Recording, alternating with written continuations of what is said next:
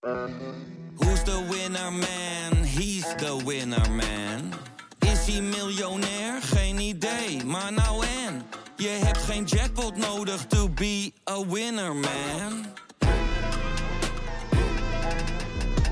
Oh oké, dat is wel lekker man. Wil jij genieten van de beste VI Pro artikelen, video's en podcasts? En wil jij nog meer inzichten krijgen rond al het voetbalnieuws? Word dan nu lid van VI Pro. Voor exclusieve podcasts, tactische analyses, interviews met spelers en financiële inzichten. Ga nu naar vi.nl slash zsmpro voor de scherpste aanbieding. Welkom bij een nieuwe aflevering van VIZSM, de dagelijkse podcast van Voetbal International, waarin we het laatste nieuws bespreken. Mijn naam is Jarno Wij en ik zit aan tafel met Dave Albers. Dave, goedemorgen. Hele goedemorgen, Jarno. Ja, Dave, we beginnen met het nieuws dat de PSV moet Noah Lang uh, een tijdje missen. Ja, ik moet zeggen, toen ik voor het eerste kop las met uh, Lang een tijdje missen, dacht ik even dat, die, dat ze hem lang misten, maar dat, uh, dat valt gelukkig mee. Hij mist uh, de komende wedstrijd met Fortuna Sittard sowieso. En daarna de wedstrijd tegen Lens misschien. En die tegen Ajax misschien. Dus dat uh, even afwachten uh, hoe die na die hamstring blessure, hoe snel die weer terug is. Maar enerzijds wel een groot gemis natuurlijk. Grote smaakmaker dit seizoen van PSV. Maar als ze dan op een positie eentje kunnen missen, dan is het wel daar voorin aan de zijkant. Want ja, Lozano die zit natuurlijk ook te trappelen. Ja, absoluut. Lozano natuurlijk, Bakayoko. Dus qua buitenspelers zitten ze uh, ruim uh, in de aantallen. Um, toch een korte vraag over. Noah Lang ging naar PSV. Um, had jij verwacht dat hij zo snel zo bepalend zou zijn?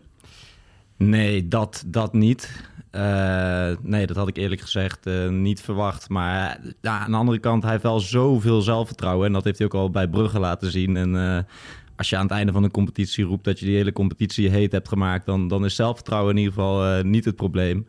Dus aan die kant verbaast me dat uh, ook weer niet. Maar ik, ik moet zeggen, hij heeft zich wel echt dusdanig goed ontwikkeld bij, bij Ajax. In die tijd was het altijd een beetje klein beetje fladderen. En uh, was het niet echt uh, dat je dacht van dit wordt een hele goede speler. Maar wat ja, is het echt fladderen of is het ook wel beeldvormen? Want, want uh, ik heb met Pieter daar ook wel eens uitgebreid over gehad van...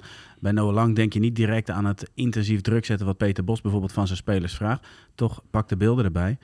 En hij doet dat gewoon vol overgave en ook goed. Dus ook zonder bal leeft hij veel arbeid. Daarmee zeg ik niet dat dat bij Ajax misschien anders is of niet, dat, dat, dat weet ik niet. Maar vaak is het ook wel een beetje de beeldvorming van een speler met zelfvertrouwen, een speler met een bepaalde, bepaalde sierlijkheid dat hij dat niet zou kunnen leveren? Nou, met fladderen bedoel ik destijds was het vooral aan de bal. Dat het niet echt, uh, echt iets opleverde vaak. De straatvoetballer. Ja, precies. En uh, qua, qua defensief werk uh, heeft hij volgens mij altijd wel die meters gemaakt. Maar het klopt wel dat vaak spelers die een beetje die, die uitstraling hebben... dat mensen daarvan hebben, die, die werken niet hard.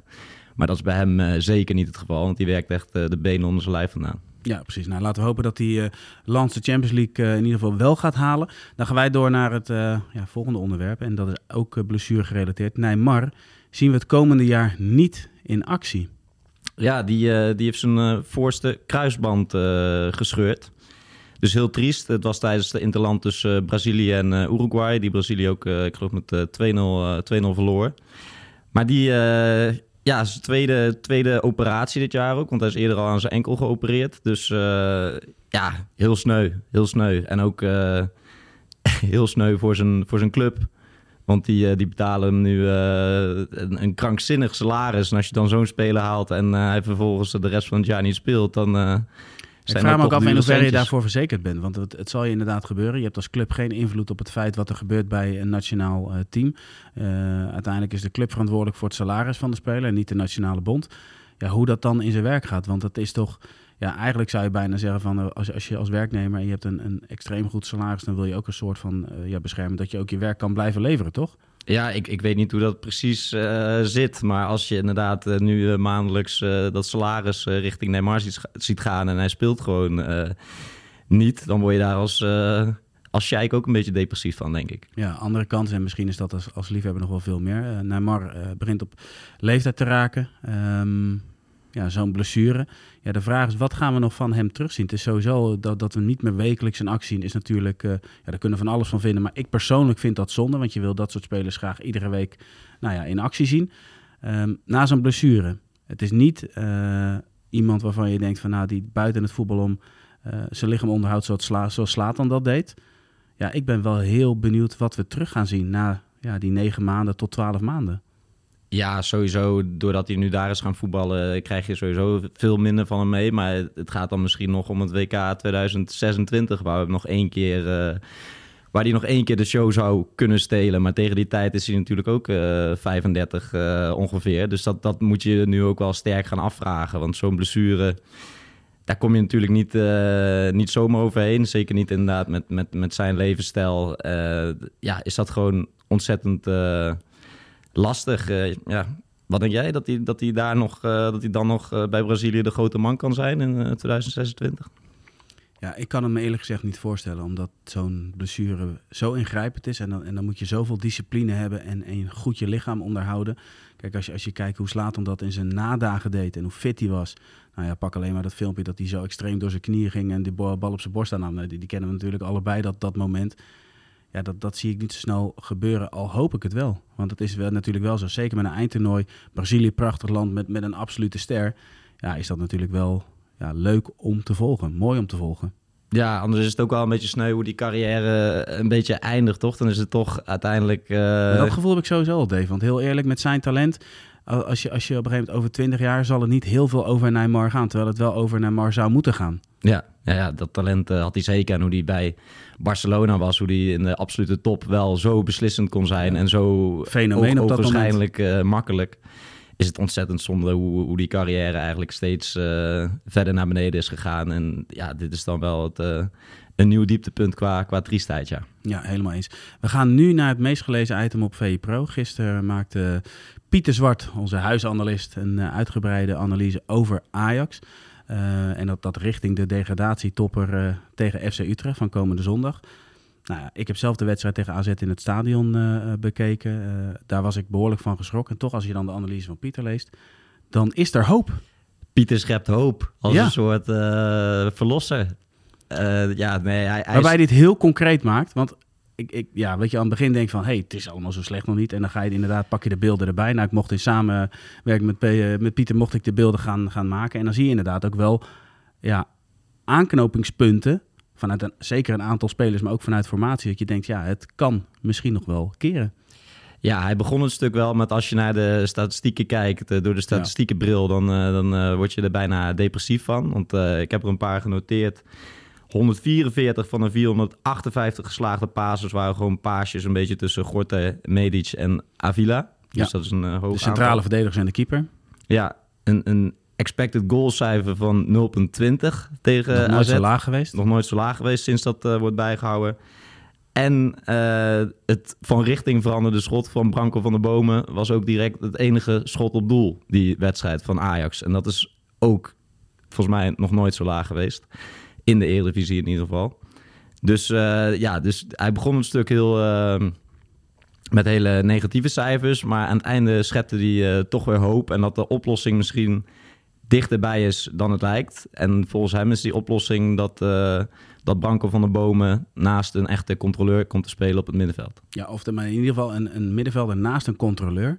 Want dat was eigenlijk het probleem, want het ging aan het begin onder Stijn vooral over de kansen die ze tegenkregen. Waarbij ze heel makkelijk kansen weggaven. Nou, dat kun je daar ook mee oplossen, waardoor je het as iets meer, uh, nou ja, in uh, balans houdt en ook dat je hem dicht houdt. Maar het belangrijkste was eigenlijk, als je dan tegen AZ kijkt... en dan, dan zet AZ druk vanuit een 4-2. Dat ligt Pieter ook mooi uit op basis van, van beeld.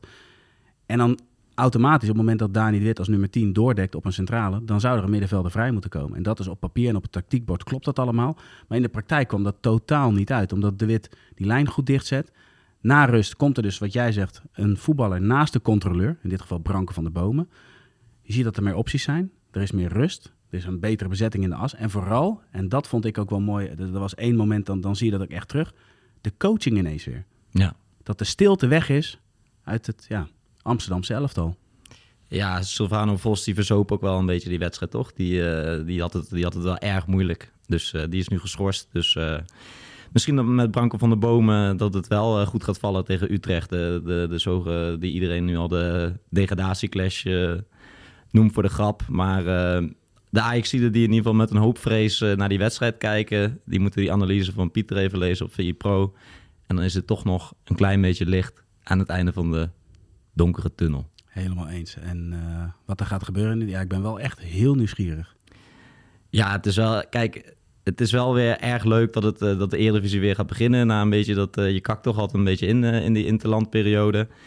En dat het dan ook meteen die eerste wedstrijd voor Ajax, ja, vanaf nu iedere wedstrijd, dat er zoveel druk op staat. Dat je meteen heel nieuwsgierig bent van, oh man, dit zou toch niet weer misgaan. Dat je gewoon tegen FC Utrecht verliest en straks uh, nog, uh, nog verder, zover het kan, uh, naar beneden kukelt. Dus iedere, iedere wedstrijd is zo interessant nu in de Eredivisie. Dus ik heb er wel ontzettend zin in, moet ik zeggen. Mooi. Tot slot, het weekend. Jij staat bekend om je weekendverhalen. Wat kunnen we in de komende periode verwachten? Ik uh, moet interview nog uh, doen, maar ik ga er, uh, zodra als wij hier de, de studio uitgaan, ga ik naar Arie Schans toe. Dat, Arie Schans? Ja, dat is wel een goede naam. is een, is een Nederlands trainer, maar die, ja, als je naar zijn cv kijkt, heeft misschien wel een van de meest spectaculaire cv's uit de Nederlandse trainersgeschiedenis. Maar die, die is, hij is vooral bekend geworden doordat hij in 2002 is die tijdje bondscoach van Bhutan geweest. Dat is een, een kleine geluksstaat en daar is ook een, een documentaire over gemaakt, The Other Final.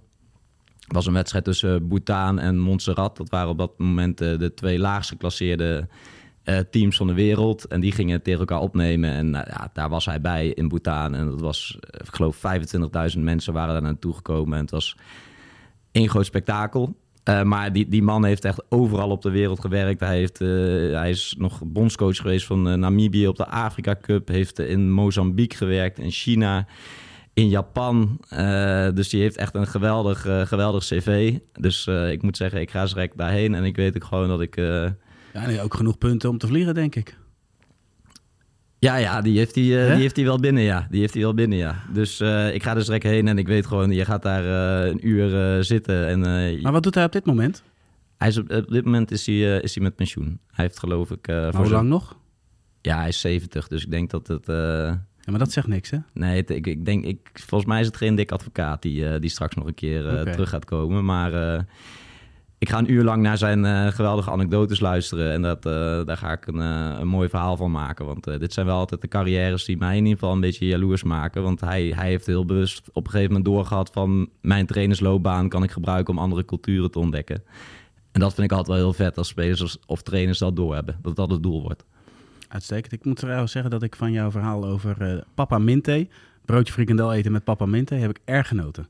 Dankjewel. Dat was een goede tip van, uh, van de Dik voor elkaar podcast en van, uh, van Sjoerd. Dus uh, die heeft mij gevraagd contact op te nemen met die jongen. En ja, dat verhaal schreef ze er eigenlijk vanzelf. Want het verhaal was al zo random en, en goed. En, dus dat is ook nog te lezen op 4 Pro voor degenen die, die dat nog niet gedaan hebben. Precies. Dave, dankjewel en tot ZSM. Jij bedankt. ZSM. Wil jij genieten van de beste VI Pro-artikelen, video's en podcast? En wil jij nog meer inzichten krijgen rond al het voetbalnieuws? Word dan nu lid van VI Pro. Voor exclusieve podcasts, tactische analyses, interviews met spelers en financiële inzichten. Ga nu naar vi.nl/slash zsmpro voor de scherpste aanbieding.